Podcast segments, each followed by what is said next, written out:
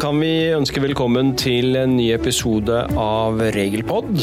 Podden for deg som jobber med lønn og personal. Eh, med meg i studio i dag har jeg eh, Monica Bremten Olaussen. Ivar Grøndal. Og undertegnede Sven Ivar Lønneid. Vi har med oss eh, temaer i dag òg. To temaer som trenger litt oppmerksomhet. Det første handler om dette her med rett til omsorgspenger, Monica.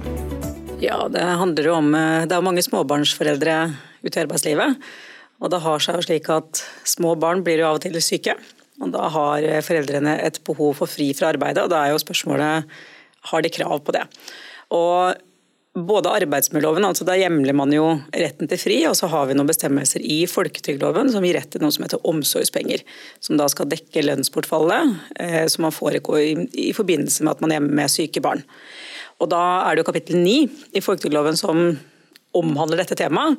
Og Det første som oppfylles er noen grunnvilkår, akkurat på samme måte som ved andre ytelser, f.eks. sykepenger og foreldrepenger. Og Vi kjenner jo igjen disse grunnvilkårene fra de ulike ytelsene. Eh, det er jo krav om opptjeningstid. Eh, det er krav om at det er en tap av, tap av pensjonsgivende inntekt og minsteinntekt. Og så stilles det i utgangspunktet altså som hovedregel krav til opphold i Norge. Og Det er disse grunnvilkårene som må være på plass, men da er det store spørsmålet i hvilke situasjoner har man krav på omsorgspenger? Og Det er jo regulert i paragraf 9-5 i folketrygdloven, som sier noe om disse stønadssituasjonene for omsorgspenger. Eh, og Den favner jo om flere tilfeller. altså Det er ikke bare når eh, barn ligger hjemme og er sykt den, eh, vil omfatte. Men det er jo på en måte det første tilfellet. da, At det er nødvendig tilsyn med å pleie av sykt barn, enten i hjemmet eller i helseinstitusjon. Da er det kanskje greit å merke seg at det stilles krav til nødvendig tilsyn. Um, og det vil jo da si at Hvis f.eks. far er hjemmeværende og har den daglige omsorgen for barna, og mor er yrkesaktiv, og barnet blir sykt og far er hjemme for å ta seg av barnet slik som man pleier, så vil det ikke være nødvendig tilsyn for mor å være hjemme. Så da vil hun heller ikke ha krav på omsorgspenger i den situasjonen. Hvordan vil det være hvis du har et, et ektepar hvor det, kanskje far da, jobber natt og kommer hjem på morgenen og barnet er sykt? Da vil det anses som et nødvendig tilsyn, fordi da er det et behov for å sove, og det er anerkjent som nødvendig tilsyn. Så det er vel dekket også hvis eh, den personen som i utgangspunktet er hjemmeværende har andre avtaler den dagen. Kanskje de har et legebesøk selv, kanskje de har omsorgen eh, for andre barn. Eh, så kan det jo være at den som er yrkesaktiv allikevel har krav på omsorgspenger, men det er en sånn skjønnsmessig vurdering som må tas i hver enkelt situasjon. Så kan det også være den som har det daglige barnetilsynet er syk. Altså at barnepasseren blir syk, og da vil jo det nødvendige tilsynet kunne være at man er hjemme og tar seg av et friskt barn fordi den som har barnetilsyn er syk. Og Det vil jo også gjelde f.eks. hvis barnet går i barnehage. Ehm, og barnehagen må stenge pga. sykdom hos personalet, så vil jo eh, da arbeidstaker kunne være hjemme med omsorgspenger. Men det gjelder ikke på planleggingsdager og den type ting, for der er det ikke sykdom som er årsaken til at eh, barnehagen stenges, så det er det som må ligge da, eh, som en forutsetning. Så ved, med den type, type planleggingsdager og den type ting da, som faller utenfor disse reglene, så vil man måtte støtte seg på sånne ting som velferdspermisjoner, altså en avtale med fri med arbeidsgiver eventuelt for å være hjemme osv.? Ja, for her vil ikke loven komme inn og gi noen eh, lovregulert rett på fri. Så er vi over på, på avtalene. Og noen, noen har jo også med barn eh, på jobb i sånne tilbud? Ja, og hvis arbeidsgiver syns det er greit, så er det helt i orden. Det er jo ikke noe problem, det. Da går man jo på avtalen på hva som er greit og ikke greit. Ja, noen yrker så er vel kanskje det vanskelig, men andre så er det enkelt. ja. Eh, men det er jo et par tilfeller til hvor man kan ha krav på omsorgspenger. Eh, det ene kan jo være at fordi den som har det daglige eh, barnetilsynet, den kan jo være forhindra fra å ha tilsyn med barnet fordi man følger et annet barn til utredning eller til innleggelse i helseinstitusjon. Da vil også denne rettigheten foreligge. Og Det siste kan være at barnet pga. sykdom trenger oppfølging i form av f.eks. legebesøk, selv om barnet faktisk ikke er sykt eller pleietrengende den aktuelle dagen.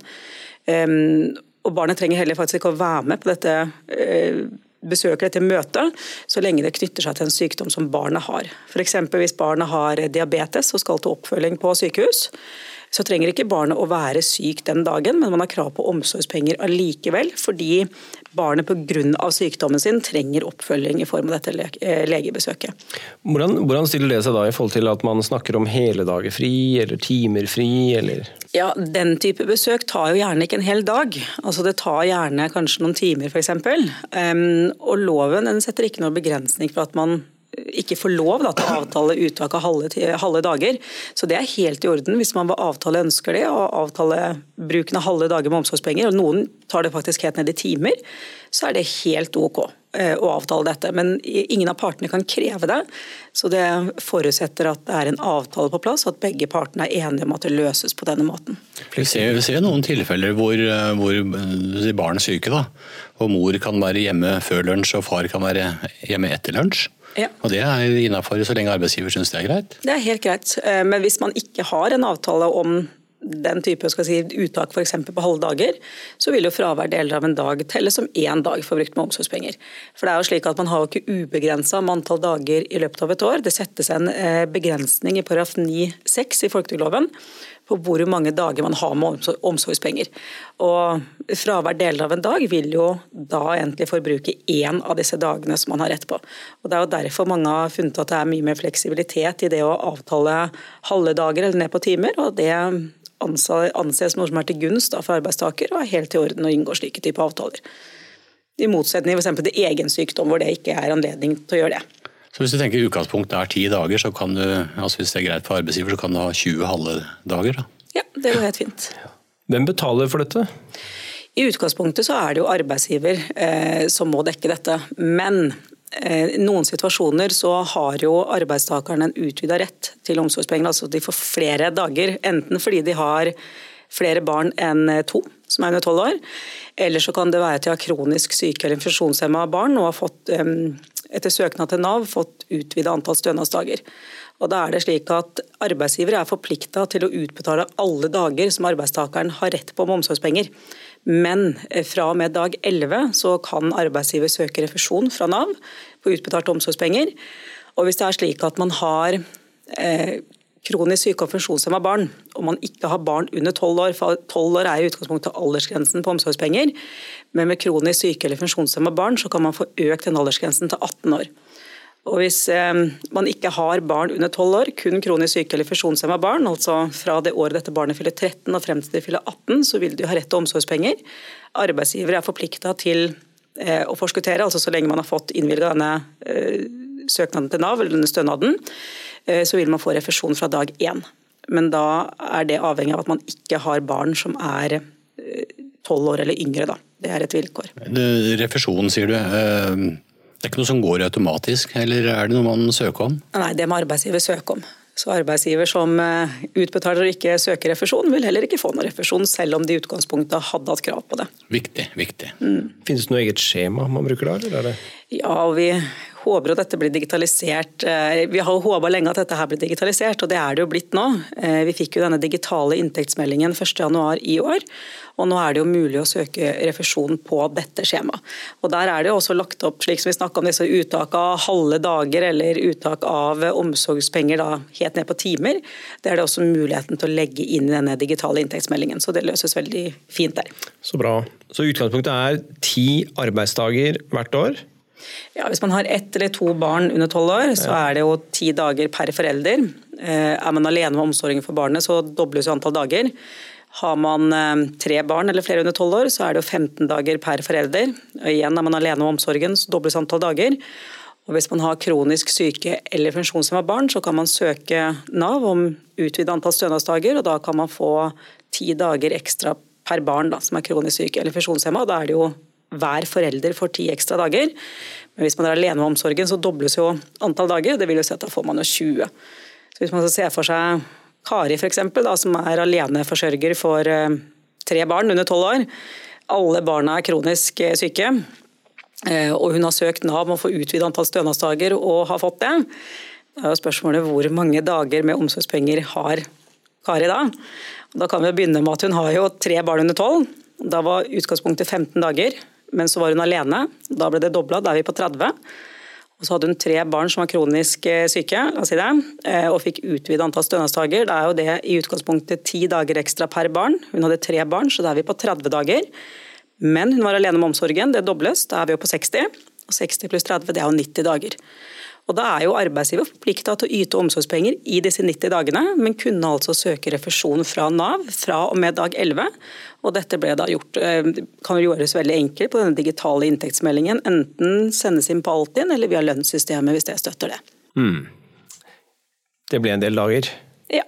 ja. Så her er det muligheter. Bare for å henge oss på et lite, Vi fikk jo en spørsmål på support her, siden vi er på dette med dager. Så vi får ta den for å runde av dette temaet. Jeg tenker at eh, da, Dette er jo per kalenderår. Ja.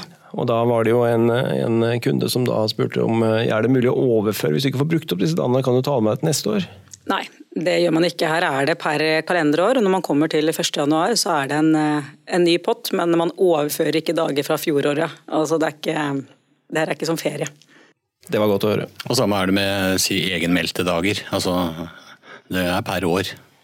Eh, på omsorgspenger på barns sykdom så er det det, per, ja. per kalenderår. Ja, som skiller seg fra egen sykdom. Helt riktig. Hvordan er dokumentasjonskravene i disse sakene her? Da? Er det egenmelding og legeerklæring?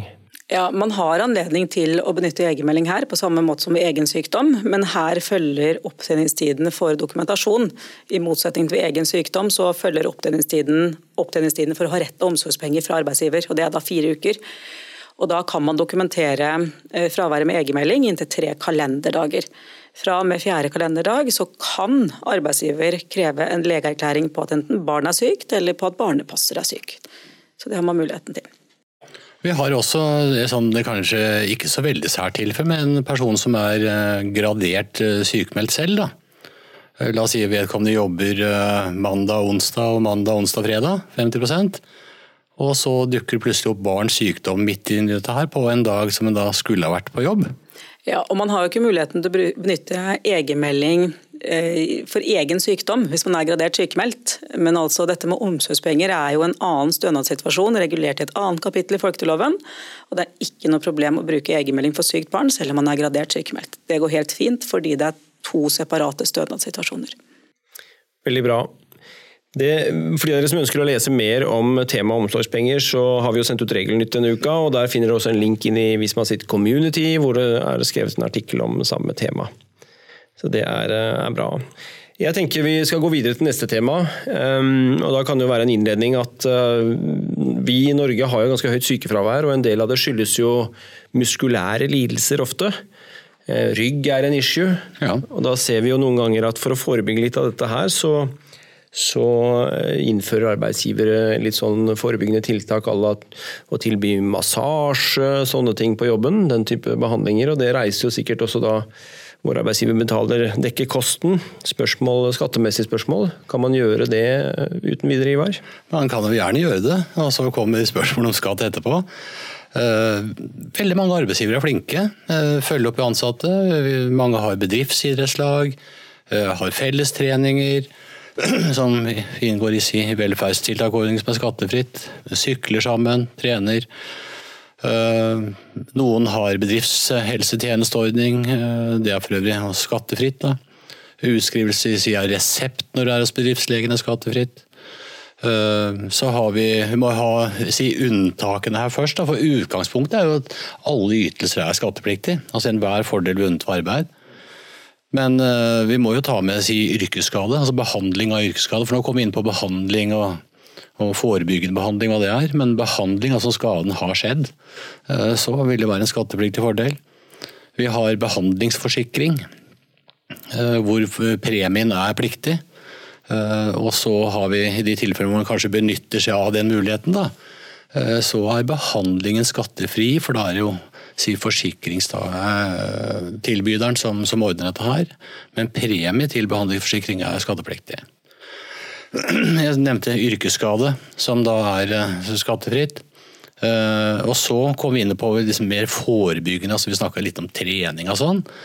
Uh, og der har vi en uttalelse tilbake igjen til ja, 2006 eller noe sånt, tror jeg det var. Et revisjonsselskap som hadde veldig høyt sykefravær. Eh, og mente liksom det var relatert til eh, spesielle travle perioder på året. Eh, de ønsket da å gjøre noe med det. Så de hadde tenkt at jaha, hvis vi nå setter i gang med massasje til de ansatte, kan vi gjøre det uten at vi må betale arbeidsgiveravgift av en, en fordel? Liksom er det, kunne det være skattefritt eller skattepliktig? Og utgangspunktet er jo en skatteplikt. Eh, og de var smarte. De sender da en forespørsel, en sånn bindende, til eh, Skattedirektoratet. Nå har vi tenkt å sette i gang tiltak her. Eh, vi har høyt sykefravær, vi ønsker å få det ned. Så vi vil gjerne tilby massasje til de ansatte. Og kan det gjøres uten at det er skattepliktig og at det slipper å beregne arbeidsgiveravgift? Og Skattedirektoratet kommer da tilbake med et svar. Særdeles fornuftig, spør du meg også. Eh, men det de sier, da, det er jo liksom tre hovedvilkår for at det skal være skattefritt. Eh, og det er at eh, den behandlingen som settes i gang, klart ses i sammenheng med faren for belastningsskader. Her var det stive nakker, skuldre osv. Så, så at det er helt klar, klar, sammenheng mellom at man prøver å hindre den type si skader eller belastningslidelser. Det andre var at uh, siden det er massasje, så krevde de at det skulle være en utdannet fysioterapeut. Altså fagutdannet person som skulle foreta dette her. Og det tredje vilkåret, at det foregikk i bedriftens lokaler. Så liksom, Innenfor de tre så kan det ligge unna, innenfor at det er et skattefritt tiltak. Så har vi hatt noen kunder da, opp gjennom tidene som har, eh, vi har gitt råd i denne sakens anledning. Og så hadde vi en i Molde her som eh, jeg hadde en fysioterapeut som holdt det litt ned i gata. Så det er en klar sammenheng her mellom fare for belastningsskader og, og, behandlingen, det var helt klart. Eh, det var en fysioterapeut som skulle gjøre det, det var klart. Men det med lokaler Så de spurte da lokalt eh, kemnerkontor eh, om mulighetene for at de ansatte kunne gå da 50 meter ned i gata til fysioterapeuten og få behandlingen der. Altså forebyggende behandling, utdype med da. Og de fikk nei. Ja. Så det var liksom et, der var det et absolutt krav at nei, det måtte foregå i bedriften sine lokaler. I den uh, forhåndsuttalelsen, bindende sådan, som Skattedirektoratet grav, så kommenterte de også uh, noen kan kanskje ha fått en lidelse allerede. Og Det betyr at da er det jo ikke forebyggende. Da er det jo en behandling, og en behandling er jo skattepliktig. Men eh, den snarrådige Herman som ga dette svaret, han uh, tok da pennen fatt og skrev følgende. I slike tilfeller uh, er det nok en behandling, men det vil være forebyggende til at lidelsen kan bli verre. Ergo vil dette også være forebyggende. Så man slapp da å gå rundt til de ansatte og spørre har du vondt, har du vondt, har du vondt? Så et fornuftig svar ble gitt der, i hvert fall. ja. Så jeg tenker hvis noen har tenkt å sette i gang en, en sånn runde med behandling, altså forebyggende, eh, lese gjennom artikkelen vi har lagt ut. Eh, det er også en lenke inn til den bindende forhåndsuttalelsen som Skatteriktet har gitt. Lese gjennom det og se om det er samsvar med det dere har tenkt å tilby. Eh, og er du fortsatt litt i tvil, ta kontakt med kemneren før dere setter i gang tiltaket. Et lite spørsmål. Jeg vet det er noen eh, arbeidsgivere som også investerer i eller leier en type massasjestol som de setter på et rom mm. og tilbyr de ansatte å bruke. Hvordan vil det falle ut? Det faller rett inn under skattefri velferdstiltak. Alle har muligheten til å benytte den. Det høres veldig flott ut. Ja. Det vil si at Man kan ikke avtale med de ansatte at de får nå én dag per måned på spahotell skattefritt som en del av lønnsoppgjøret? Det finner du kan gjerne avtale alt og avtale det. Det er jo, kan få en hel uke på spahotell, men det er jo skattepliktig. Men Gunda-stolen, eller hva man kaller den, eh, Gunda som rister, det er, eh, det er eh, skattefritt. Skattefritt velferdstiltak, får vi si da. Så bra. Det var greit å vite. Jeg tenkte vi må nevne en liten ting til jeg, nå. Og det er jo at på mandag så skjer det ting. Det er spennende. Statsbudsjettet legges frem. Ja. Og vi gleder oss. Og vi kommer til å sitte klar. Og i den grad det er eh, relevante nyheter knyttet til de av dere som jobber med lønn og personal, så kommer vi til å kjøre en egen regelpod og skrive et såkalt regelnytt og sende ut eh, på mandagen. Så da gleder vi oss veldig til det. Det blir nok litt etter lunsj, vi må lese gjennom først, men eh, det nærmer seg med stormskritt et par dager igjen også. Så Da er det bare å følge denne regelpodden, så får dere info og informasjon så fort det lar seg gjøre rundt hva som er spådd for neste år. Det er bra. Da vet jeg ikke, men jeg tror kanskje at uh, vi skal runde av ja, og ta god helg og kanskje ta en massasje før vi går hjem. I forebyggende øyemed. Ja, kanskje det. Om 14 dager så er vi vel kanskje på lufta igjen. Skulle ikke forundre meg. Takk for nå. God helg. God helg.